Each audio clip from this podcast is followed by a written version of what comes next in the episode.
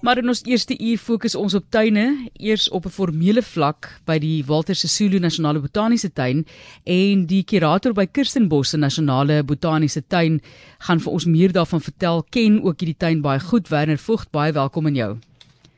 Dankie Martelies en goeiemôre van die luisteraars. So hoe baie kennis dra julle as kurator so tussen die botaniese tuine van die ander botaniese tuine waar jy nou nie self direk by betrokke is en jy's nou by Kirstenbos en ons mik nou Rodepoort se rigting? Ja. nee, nogal nogal redelik goed. Weet jy ons het een keer 'n jaar het ons hierdie wat ons noem die kurators week. So al die kurators kom bymekaar en spandeer 'n hele week dan leer ons van elke tuin bietjie meer ken en so dit is dit is altyd raadsaam om 'n bietjie meer te weet van wat daar botaniese tuine. Dit is iets ongewoon nie. Dit is 'n plek vir mense om ontvlugting te gaan soek in die natuur. Vertel vir ons van die tuin wat dan nou ook verlede jaar sy 50ste verjaarsdag gevier het. Dit is heeltemal korrek, dis reg so die water die water sosiale nasionale botaniese tuin wat dit daar by Rodepoort as as dit verlede jaar se feeste ja dink ek gevier. En jy weet in in die Rodepoort omgewing daai botaniese tuin spesiaal is omring deur bloembuurte en die stad is redelik naby. So daar's hierdie hele konsep wat hulle noem urban wild waar daar um, waar die waar mense probeer om um, vlugting soek in in 'n natuurlike opset in in 'n berg of in 'n vallei of in in, in boomryke areas te gaan en die Walter Sisulu Botaniese Tuin is nou al vir 'n hele klomp jaar afgeneem volgens uh, nou as gestem as die mees aantrekkelijke plek om na te ontvlug as mense wil um, in 'n in 'n sinema boomryke area of in 'n in 'n wildtuin reservaat wil, wil ontvlug. So die die tuin as as baie bekend daarvoor. Ek moet ook net noem die die die hele tuin so groot as omtrent so 300 hektaar. En van daai 300 is omtrent 270 is nou wat ons noem die bewaringsarea, so dis die reservaat self. Jy weet jy dat ongelooflike plante groei wat 'n mens kan kan verken. Jy het, jy het drie biome wat daar saamkom, die, die grasveld, wond wat die bo kry, die rande en dan op die op die hange kry jy bergbosveld. En dan ook in die klowe daar hierdie afrogemate woude wat wat daar voorkom en ons praat van meer as 600 verskillende spesies. So mense wat nou die area goed ken sal sal weet van die geologiese staproete wat in die tuin aangetref is en dit vat jy so so 3 en 'n half ure om te om te voltooi. Dit is 'n is 'n sirkelroete, dis omtrent 4 km in lengte en dit gee jou 'n baie baie goeie indruk van die plante groei in die area en ook die geologiese formasies en daar's verskillende inligtingborde wat jy kan sien en kan leer oor die oor die plasties geologie van die plek, maar ook oor die plante en, en die diere. So dit is dit is fantasties dat ons botaniese tuine um, in Suid-Afrika nie net hierdie ontwikkelde tuine is waar daar nou beddings is met grasperk en bome nie, maar jy het ook gekoppel aan daai tuine het jy uh, hierdie natuurlike veldtipes wat wat geassosieer is met die tuin sodat mense voels dat hulle kan gaan kyk of hulle van orgidees sien hulle natuurlike habitat en 'n bietjie meer leer oor die soos oor die geologie. Ons het mense wat luister wat baie lief is vir voelkyk. 240 voelsoorte wat natuurlik daar voorkom. Vertel dan vir ons van daai 270 hektaar en biome wat bestaan. Ja, sorry die die, die mees bekendste seker van die voëls as hierdie as hierdie uh, die witkruisarende. Daar stel se 'n webcam wat wat 10 krans um, geïnstalleer is wat wat jy kan sien hoe die hoe die ma byvoorbeeld kom in die, in die kleintjies die kykens nou en nou kos te gee. En daar is ek sê daai daai paar is nou meer as 30 jaar daar. Maar daar's ook verskillende ander tipe voëls en jy kry onmiddellik die bosveld gevoel as jy die as jy hoor die loeries of jy wil skree in in in die, die gekwetter van die voëls. Daar's ook 'n baie bekende 'n voelskuiling by die Sassoldam waar mense kan gaan sit as hulle veral van die watervoëls wil kyk. Maar weet jy wat lief iets wat ons baie baie beïndruk is dat die naglewe, die die die diere, die naglewe baie uniek is. En daar is van hierdie hierdie camera tracks wat opgesit is op op die verskillende roetes in die tuin.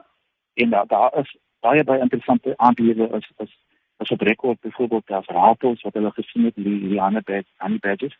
Daar is 'n um, die, die tierboskat of die silver silver dan is daar ook aardvarke wat wat in die tuin voorkom en natuurlik die rooi ribbokke en nou gewoonlik sal mense nie dit verwag nie um, in 'n in 'n botaniese tuin met 'n reservaat wat omring is deur boombeelde en stede nie maar dit is dit is tog wel daar en dit is 'n bewys dat hierdie klein eilandjies van groen bome en valleie en berge is is baie belangrik vir vir die oorlewing van die diere.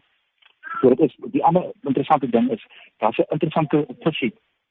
Hulle noem dit die Mariko uh, kilometrie. Dit is 'n klein inheemse spesies wat wat op die wêreld is hy van bekend as 'n bedreigde spesies en hy kom voor in die rotspoele onder aan die waterval. En uh, dit is iets wat in 2007 is ontdek.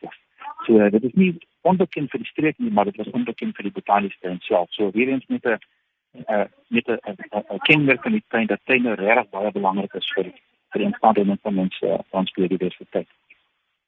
Ons gesels oor ons botaniese tuine in Suid-Afrika en meer spesifiek dan die Walter Sisulu Nasionale Botaniese Tuin in Rodepoort. Ek hoop jy kry 'n geleentheid om bietjie daar te gaan rondloop. Vertel vir ons net hoe julle die tuine ook toeganklik maak en bietjie meer interaktief maak met Suid-Afrikaners om vir hulle te sê kom kom kyk byvoorbeeld en die fantastiese inheemse natuurlewe wat hulle kan geniet. Is daar ander tipe van projekte ook? Ons weet by Kirstenbosch wat ek baie van weet want hulle stuur vir my e-posse, jy's redelik ingelig. Daar is allerlei musiekfeeste en daai tipe van ding wat daar plaasvind. Op watter manier doen hulle in Rodepoort dalk soortgelyke projekte? Ja, So die so die die tuin het 'n baie um, bekende omgewingsoefening opvoeding program. So die kinders die plaaslike skole kom gereeld op 'n op 'n ekskursie na die tuin toe en word hulle geleer verskillende lesse, sien hom of aanpassings of of bestuiving of saadverspreiding daai tipe van dinge. En dan weet jy die die kinders is regtig speel 'n baie belangrike rol in behalwe konserte en musiekfeeste. Ook daar ander tipe uitstallings ook wat wat die tuin aanbied om die om die ge, die gehele die, die publiek te uh, die tente kan kom besigtig maar ook die sosiale vir Engels te hoek as mens met hierdie kinders in in uitstallings om hulle dan uh, op te voed rondom die bewaring van van die van die tuin en die plante en die diere ook die die die ek sal sê die mees bekendste is maar die die die tema tuine waarvoor byvoorbeeld 'n skoenlapper of 'n sondertuin as 'n baie bekende broodboomtuin redbare plante sien ek word al meer bekend en uh, ons praat gereeld van terug nou back to the pharmacy of na die veld apteek toe.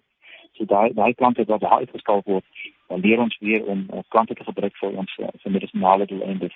En dan is daar ook die bekende rosplant, uh, rostuine met die vetplante wat in die winter natuurlik baie baie bekend is met met vir pragtige uh, uh, vetplante en die, die, plakkies en die alwyn en so en so voort. Maar ook soos ek sê die bome is is is pragtig met uh, onder in in, in kote te sit uh, gedurende pikniktye en, en uh, ja die water se sou het dan is dit net ook natuurlik daai so so sirkel wat 'n redelike nuwe ontwikkeling is wat jy kan kom besigtig as jy aankom by die tuin op regter kant met pragtige fonteine vir die kindertjies om te speel in en daar's ook 'n uitstalling met in in so fisies ook daar so wat die mense kan sien. So ek dink ons botaniese tuin oor die algemeen dan probeer verskillende aspekte rondom kuns en kultuur en die gebruik van plante te inkorporeer sodat mense stadig en subtiel meer en meer dit word van die belangrikheid van die biodiversiteit. Hoe gesond laastens is ons botaniese tuine in Suid-Afrika? Jy weet ons hoor maar baie van infrastruktuur wat agteruitgaan, daai tipe van ding. Sê vir ons net bietjie, wat is jou opinie daaroor? Ons weet dit verskil van streek tot streek ook sekerlik Werner. Ja, nee, dit is absoluut. Dit is kyk dit is maar moeilik want baie kere met groot soos projekte nou groei oor jare dat jy allerlei vereistes wat jy dan moet nakom en en baie papierwerk natuurlik. Ek dink die eerste, die een van die goed wat die meeste baie keer pla is maar die papierwerk.